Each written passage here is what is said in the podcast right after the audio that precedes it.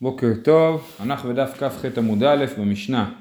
אומרת המשנה, המביא גט וניחו זקן או חולה, נותן לה בחזקת שהוא קיים. בת, כן, אז אם אה, אה, אדם אה, שלח גט והשולח הגט היה זקן או חולה, בכל זאת השליח מביא את הגט ולא אומר אולי הוא מת בינתיים. ואז היא תהיה מגורשת והוא נותן לה בחזקת שהוא קיים. אה, אם, אה, אם הוא מת, אז הגט הוא לא גט. כן? כי השליח צריך להיות בחיים בשביל, אה, אה, המשלח צריך להיות בחיים בשביל לתת גט.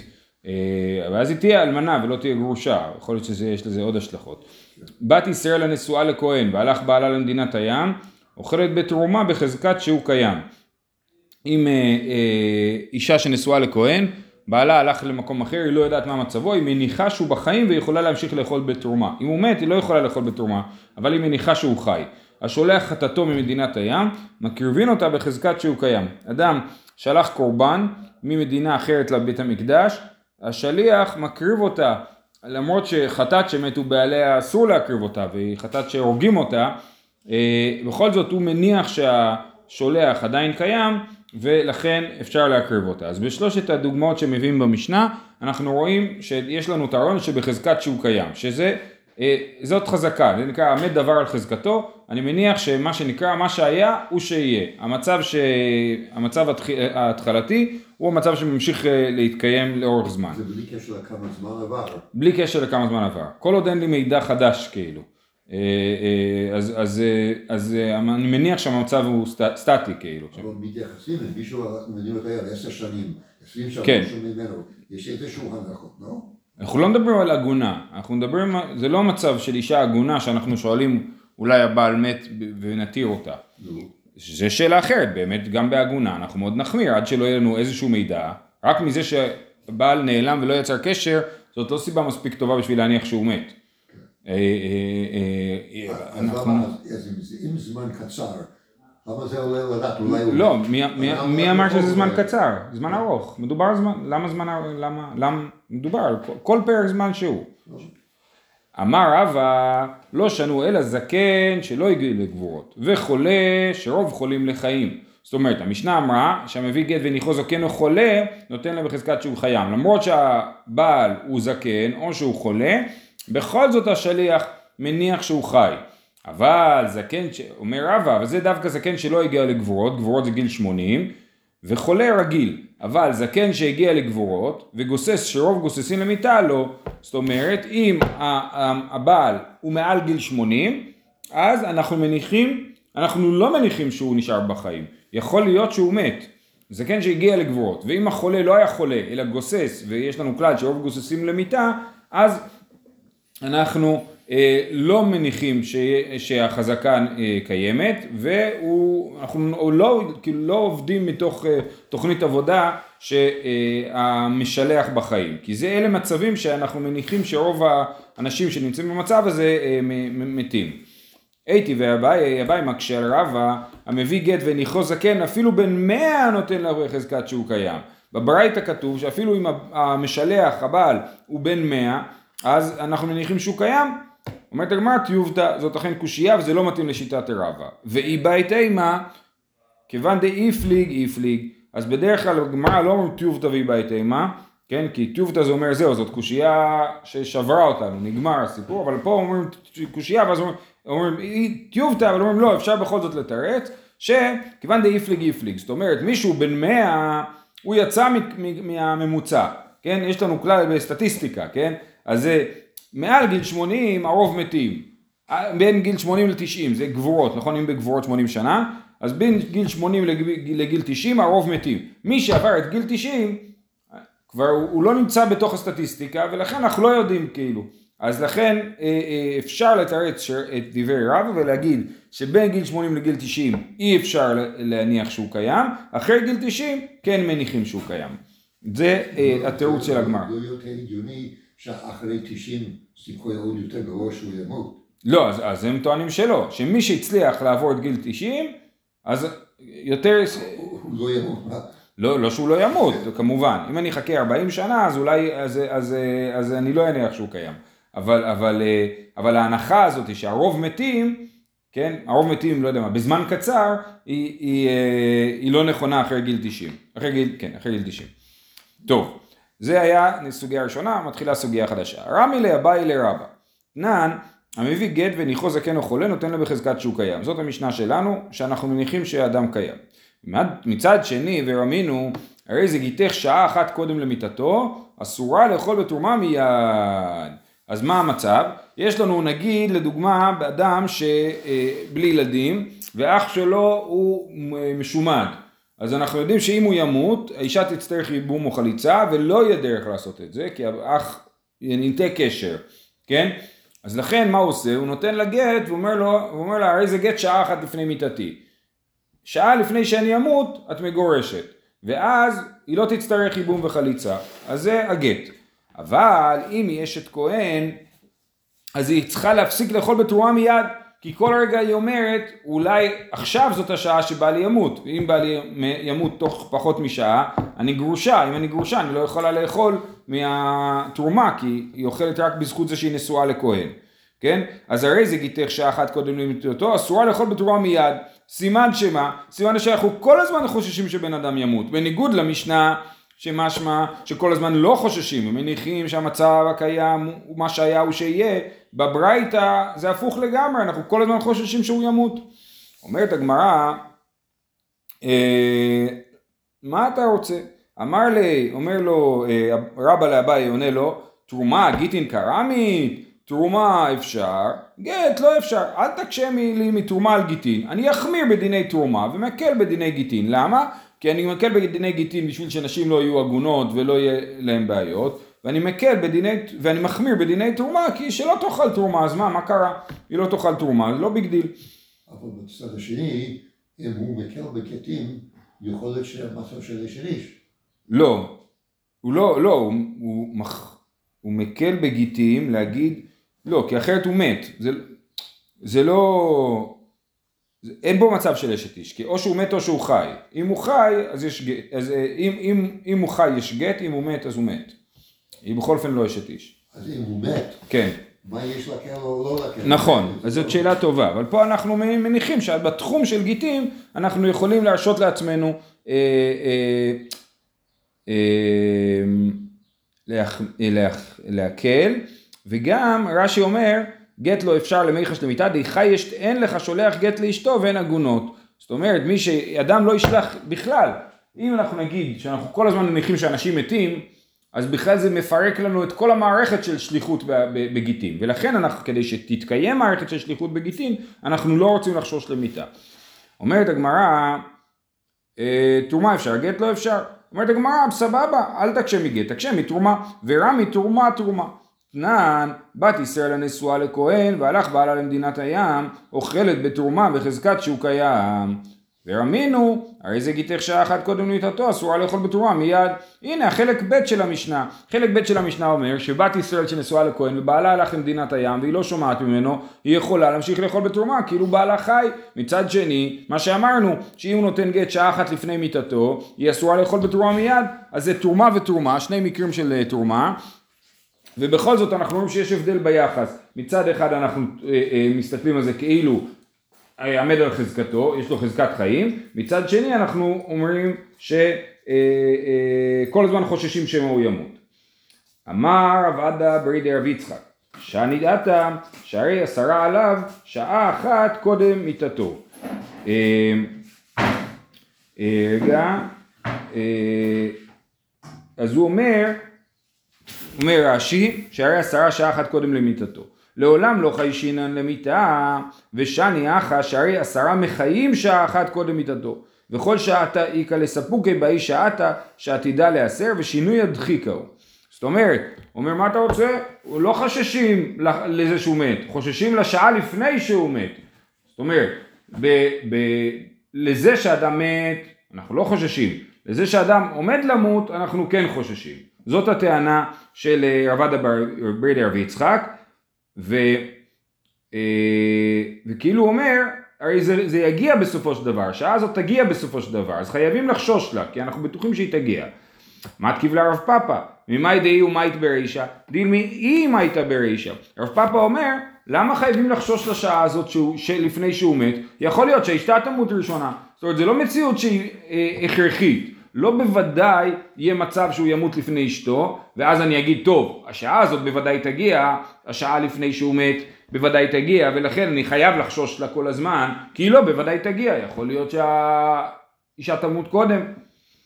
אלא אמר רבי אלוקשיא ארבי מאיר דלא חייש למיתה, ארבי יהודה דחייש למיתה. זאת אומרת, הפער בין שתי המקורות, בין המשנה לברייתא, שבמשנה אנחנו רואים שאנחנו לא חוששים למיתה, ובברייתא אנחנו רואים שאנחנו כן חוששים למיתה, זאת מחלוקת תנאים. מהי מחלוקת התנאים? מחלוקת שכבר ראינו בהקשר אחר, ב... לפני, uh, uh, בשבת, דתנן, הלוקח יין מבין הקוטין אומר, שני לוגים שאני עתיד להפריש הרי הם תרומה, עשרה מעשר ראשון, תשעה מעשר שני, ומחל ושותה מיד, דבר רבי מאיר. יש לי, אני אסביר את זה שוב למרות שבשבת הסברנו את זה, uh, יש לי חבית גדולה של יין, או נוד גדול של יין, ואני זה יין שצריך להפריש ממנו תרומות ומעשרות, ואני לא יכול להפריש כרגע כי אין לי כלים לשפוך לתוכם את התרומה. אז מה אני אומר? אני עכשיו שותה יין, כן? ויש בפנים בתוך החבית הזאת שתי לוגים שישארו לי בסוף, הם תרומה גדולה. עוד תשע, עשרה לוגים שישארו לי בסוף הם מעשר ראשון, עוד תשעה לוגים שישארו לי בסוף הם מעשר שני. כן, הוא נותן הכל לפי, שח... לפי החישובים, את המעשר שני הוא כבר מחלל על פרוטה כי אין שום סיבה לחכות לסוף. אז הוא מחלל את זה על, לא על פרוטה, הוא מחלל את זה על כסף, אה, אה, ואז הוא יכול לשתות מיד. עוד פעם, הוא לוקח יין מבין הכותים, שהכותים אנחנו טוענים שהיין שלהם חייב בתרומות ומעשרות, אומר שני לוגים שאני עתיד להפריש, זאת אומרת אני אפריש בסוף, אחר כך אני אפריש. הרי אין תרומה, עשרה מעשר ראשון, תשעה מעשר שני, הוא מחל ושותה מיד, דברי רבי מאיר. רבי יהודה ורבי יוסי ורבי שמעון אוסרים, והסברנו למה הם אוסרים, לא כי הם חושבים שזה לא עובד, אלא כי הם חוששים שמא ייבקע הנוד. הם אומרים שמא אתה לא תגיע למצב שאתה יכול להפריש את זה, בגלל שהנוד הזה ייקרע לפני שתספיק לשתות את היין, אה, להפריש. אם, אם הוא, הוא לפני שאני אספיק להפריש, אז בעצם לא הפרשתי, אז בעצם מסתבר למפרע ששתיתי טבל. אז זאת אומרת שרבי מאיר לא חושש שייקרע הנוד, ורבי יהודה, רבי, מאיר, רבי יוסי ורבי שמעון כן חוששים שייקרע הנוד. הגמרא אומרת זה בעצם אותו דבר של חשש למיתה. כן? רבי מאיר אומר, המצב הוא שהנוד הזה שלם, אין לי שום סיבה לחשוב, לחשוב שהוא הולך להיקרע, אז אני מניח שהוא ימשיך להיות שלם. ואומרים, לא, יכול לקרות קטסטרופה, כן? יש אנשים, יהודים בעיקר, שכל הזמן חוששים שתכף תהיה קטסטרופה. כן, יש אנשים שמחזיקים אה, מחסני מזון וכאלה, כן? אז, אז זה מה שאומרים, יכול להיקרע, יכול להיקרע וגם יכול למות, אדם יכול למות. זאת אומרת, הם לא מניחים, לא יוצאים מנקודת הנחה שאדם הוא חי עכשיו, אז לכן הוא יחיה לנצח. אז זה המחלוקת. לפי רבי מאיר לא חוששים למיתה, לפי רבי יהודה, רבי יוסי ורבי שמעון חוששים למיתה. אז בשבת הערנו שזה מפתיע בגלל שבעיקרון אנחנו יודעים שרבי מאיר הוא זה שחי שלמיותא. יש לרבי מאיר כלל כזה שהוא חושש למיעוט, הוא חושש, זאת אומרת בדרך כלל נכון אנחנו הולכים אחרי הרוב, מה זה אומר שאני הולך אחרי הרוב? אני אומר רוב המקרים כך וכך ולכן אני לא חושש למיעוט, אני הולך אחרי הרוב. רבי מאיר כן חושש למיעוט ובכל זאת פה הדעות שלהם מתהפכות. רבי מאיר הוא זה שלא חושש והם כן חוששים וזה מעניין. בכל אופן אנחנו ממשיכים. אה, אז זה התירוץ של אביי. אביי אומר הפער בין שתי המקורות זה מחלוקת תנאים. אם חוששים למיתה או לא חוששים למיתה. רבא אמר וזה חידוש עצום ונפלא שמא מת לא חיישינן שמא ימות חיישינן. זאת אומרת אומר רבא מה החזקה אומרת? החזקה אומרת שהוא בחיים עכשיו. זאת אומרת אה, אה, הוא היה הבעל ששלח את הגט, הוא היה בחיים, אז הוא עדיין בחיים. זה, זאת ההנחה. לעומת זאת, מה יקרה בעתיד? אני לא יודע, הכל פתוח. ולכן, אולי הוא ימות. אז לכן, הגט שהבעל שלח בתוקף, כי אני מניח שהבעל עדיין בחיים. אבל הגט שאמרנו, שהוא אמר לה, ארץ מגורשת שעה אחת לפני מיתתי, אני לא יודע מה יקרה בשעה הקרובה. אולי הוא ימות בשעה הקרובה. ולכן, אה, אה, אני, החזקה כאילו עוזרת לי רק לפרש את המציאות עכשיו, אחורנית, כן? להגיד, אני יכול להגיד משהו על המציאות כרגע. כרגע אני מניח שהמציאות היא כמו שהיא הייתה, אבל היא לא עוזרת לי להגיד מה יהיה בעתיד. בעצם, כאילו הרעיון של חזקה אומר, אה, אה, אנחנו לא אומרים שום דבר על העתיד, אני רק אומר מה, מה קורה כרגע. כרגע אני יכול להחליט אה, אה, דברים מסוימים. רגע, הוא שולח לגט, הוא אומר לה את מגורשת שעה אחת לפני מיתתי? כן. למי זה עוזר? כי אמרנו מקודם שאם היא, נגיד יש לו אח שצריך לייבם אותה, והאח הזה הוא לא מתאים לייבום, הוא נגיד אה, ניתק קשר, אז הוא לא רוצה שהיא תהיה אלמנה, אז הוא רוצה שתהיה גרושה. שואלים מה זה גז זה תופס. אז הגט הזה תופס, אבל, אבל אנחנו אומרים שמיד היא חוששת אה, שהוא ימות ואסור לה לאכול, אם היא נשואה לכהן היא לא יכולה לאכול תרומה מעכשיו. כי כל שעה היא אומרת אולי הוא ימות עכשיו, אולי הוא ימות עכשיו, אם הוא ימות עכשיו אז היא כבר גרושה, אם היא גרושה היא לא יכולה לאכול בתרומה. אז, אז אנחנו רואים את הרעיון של שם המת לא חיישינן, שמא ימות חיישינן. כן? אה, הדבר הזה מעניין, הנודע ביהודה בתשובה בהלכות נידה, לוקח את זה לרעיון של הלכות נידה, אומר, אה, אה, רעיון דומה שאני אומר, כרגע האישה היא לא נידה, למה היא הייתה טהורה, כנראה שהיא עדיין טהורה, אבל מי יודע מה יקרה ב- ב- מחר, כאילו, כן? פה. פה זה שונה לחלוטין. מה? מפני שפה יש תדירות מסוימת. פה אתה לא יודע מתי הוא. נכון, פה אבל בשתיהם אני יודע. שזה בוודאי יקרה בסוף. מה? בשניהם אני יודע שזה בוודאי יקרה בסוף. אישה נידה, כנראה, בטוח תקבל את המחזור בסוף, או בטוח. זה הדבר הנורמלי, וגם אבל, הבן אדם ימות בסוף. אז זאת אומרת, רק השאלה היא מתי הסוף הזה יגיע. רגע, זה חומרה בעצם מה שהוא אומר. זה לא חומרה, זה שני דינים שצריך להסביר את הפער ביניהם. שוב, אני אומר, כרגע, כשאני מסתכל על המציאות כרגע, אני יכול לטעון כלפי הטענות על פי החזקה. להגיד, הוא היה חי, כנראה שהוא עדיין בחיים. או האישה בחזקת טהורה, לא נידה, אז גם עכשיו היא טהורה. לעומת זאת, טענות לגבי העתיד אני לא יכול לטעון. אני לא יכול להגיד, אה, אם הוא היה חי אז הוא יחיה לנצח, או היא הייתה טהורה, היא תהיה טהורה לנצח. כן? אז שם המת לא חיישינן, וזה לא שאלה סטטיסטית, זה שאלה של הכוח של החזקה, איזה, אה, אה, אה, מתי הוא עובד ומתי הוא לא עובד, כן? הוא לא עובד לגבי העתיד. כל הזמן. כל הזמן מתעלמים מהסטטיסטיקה. סטטיסטיקה היא, סליחה, לא. אני אגיד את זה ככה, יש לנו בכלל דיני ספקות, זאת אומרת אנחנו צריכים לפעול מה שנקרא בערפל קרב, בכל, בכל החיים אנחנו פועלים, כן, אני יוצא בבוקר, אני לא יודע מה יקרה בדרך, אולי פקק, אולי תאונה חס שלום, כן, בכל זאת אני יוצא בבוקר לעבודה, אנחנו פועל, חיים בערפל קרב, כן, ודיני ספקות עוזרים לנו כאילו להכריע הכרעות ביחס לשאלות האלה. אני יכול ללכת אחרי הרוב, אני יכול ללכת אחרי החזקה, ויש עוד, עוד מערכות, זה שתי המערכות הגדולות, רוב וחזקה. ושמה, ועכשיו, לכאורה רוב זה שאלה סטטיסטית וחזקה זה לא דבר סטטיסטי, אם כי יש כאלה שאומרים שגם ברוב זה לא באמת סטטיסטיקה, זה דומה לסטטיסטיקה אבל זה לא. אה, סתם לדוגמה, אתה תלך אחרי, ברוב אתה תלך אחרי, אין הבדל בין 51% ל-95%, אין הבדל ביניהם, יש להם את אותו דין, שניהם רוב, כן? אז זה סתם דוגמה, כאילו שבסטטיסטיקה ברור שיהיה הבדל דרמטי בין שניהם. זה נקרא סטטיסטיקה עם מלך. לי שזה איזושהי נוסחה, כן. אבל הוא לא עובד בדיוק, אז אומרים שזה עם מלח. כאילו כאילו שמת רגל קצת לפעמים. הבנתי. כאילו, לא, לא, למדנו ביח מלח. כן. אז זה יופי, אנחנו ממשיכים. רב אמר שם המת לא חיישינן, שם ימות חיישינן. אמר לרב עדה בר מתנא לרבה והנוד דכשמא ימותו ופליגי. זאת אומרת, הרי ראינו לפני שנייה שיש מחלוקת, שהוא אומר שמא ייקרע הנוד, והוא אומר לא חוששים שמא ייקרע הנוד. ולשיטתך כולם מסכימים שמא ייקרע הנוד, כי זה כמו שמא ימות, ושמא ימות אתה טוען שחוששים. אז רב יהודה אומר לו יש הבדל מהותי בין נוד לבין שמא ימות. אמר רב יהודה מדיסקרתא שאני נוד דאפשר דמסר ליה לשומר. נוד אפשר להחליט שהוא לא ייקרע. איך? אני אתן אותו לשומר, אשים אותו בכספת, והוא לא ייקרע לעולם. אבל בן אדם תמיד ימות בסוף.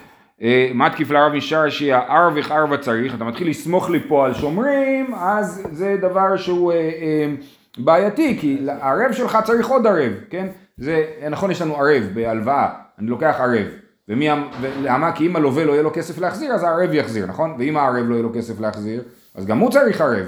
אז זה הערב צריך ערב, כן?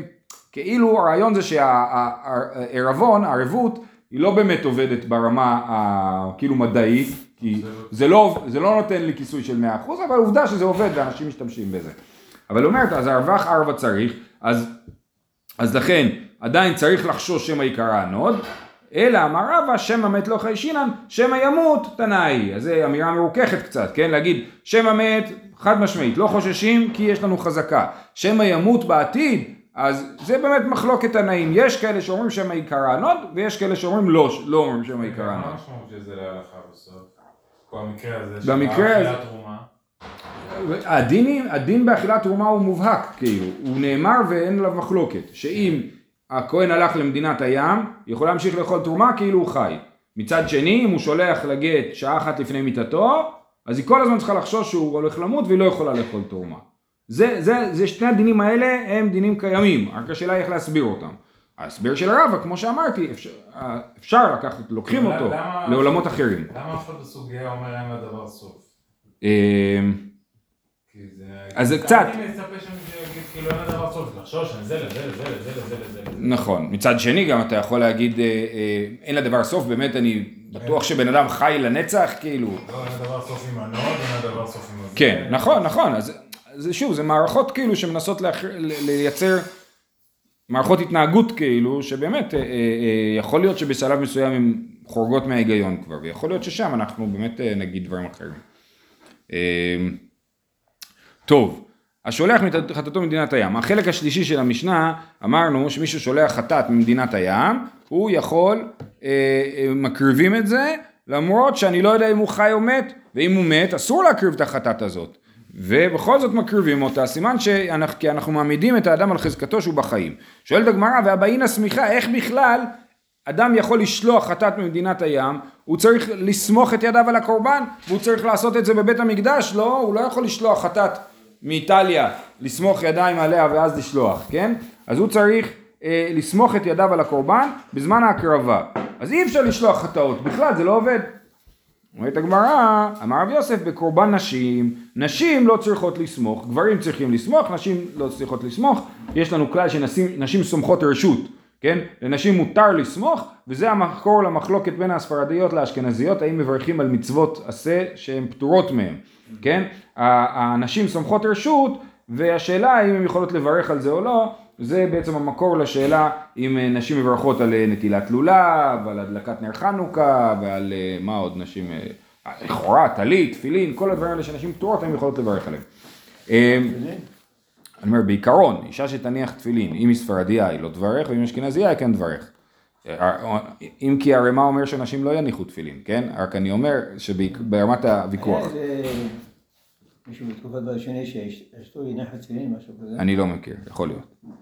אה, בכל אופן, זה התירוץ של רבי יוסף, קורבן נשים, נשים, אז האישה שלחה קורבן והיא לא צריכה לסמוך על הקורבן. רב פאפה אמר בחטאת העוף, חטאת העוף אין לה סמיכה, כן? חטאת העוף, יש מצבים שהחטאת שמקריבים היא של עוף, ולעוף אין סמיכה ולכן על זה מדובר. אה, וצריכה. עכשיו, למה בעצם המשנה צריכה לחזור על אותו דבר שלוש פעמים? להגיד לנו שאומרים עמד על חזקתו, שהאדם חי, לא, למה היא לא אומרת את זה פעם אחת? הוא צריכה. די אשמואינן גט משום דלא אפשר, אבל תרומה דאפשר, אימה לא. אם, היה, אם היינו מביאים רק את המקרה של גט, ואומרים שאדם ששלח גט הוא בחזקת חיים, היינו אומרים, טוב, שם החלטנו שהוא בחזקת חיים, כי לא הייתה לנו ברירה, אמרנו שאחרת זה ידפוק לנו את כל מערכת השליחות בגט, אם אנחנו נחשוש שהוא ימות. אז לכן, אה, לא אפשר, והם מניחים שהוא חי. אבל תרומה דאפשר, אימה לא. לגבי תרומה, שנגיד בסדר, שלא תאכל תרומה, מה קרה? נחמיר שהוא לא בחזקת חיים. לכן המשנה הייתה צריכה להשמיע לי גם את המקרה של תרומה, שאפילו שם אנחנו אומרים בחזקת חיים. ובתרומה, אם היה כתוב לי גם בתרומה, עדיין, יש ממנו תרומה דזימנין דלא אפשר. אבל חטאת העוף מספק על עולה ולחולין לעזרה צריכה.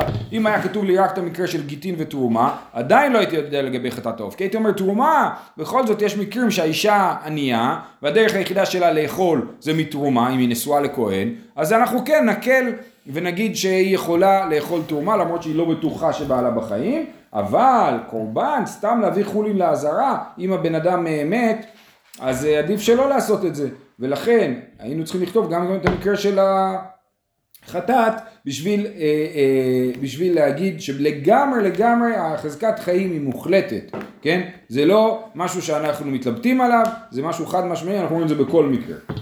זהו, משנה הבאה, שלושה דברים אמר רבי אלעזר בן פרטה לפני חכמים. עכשיו זה עוד ממשיך את העניין הזה של חזקת חיים, כן?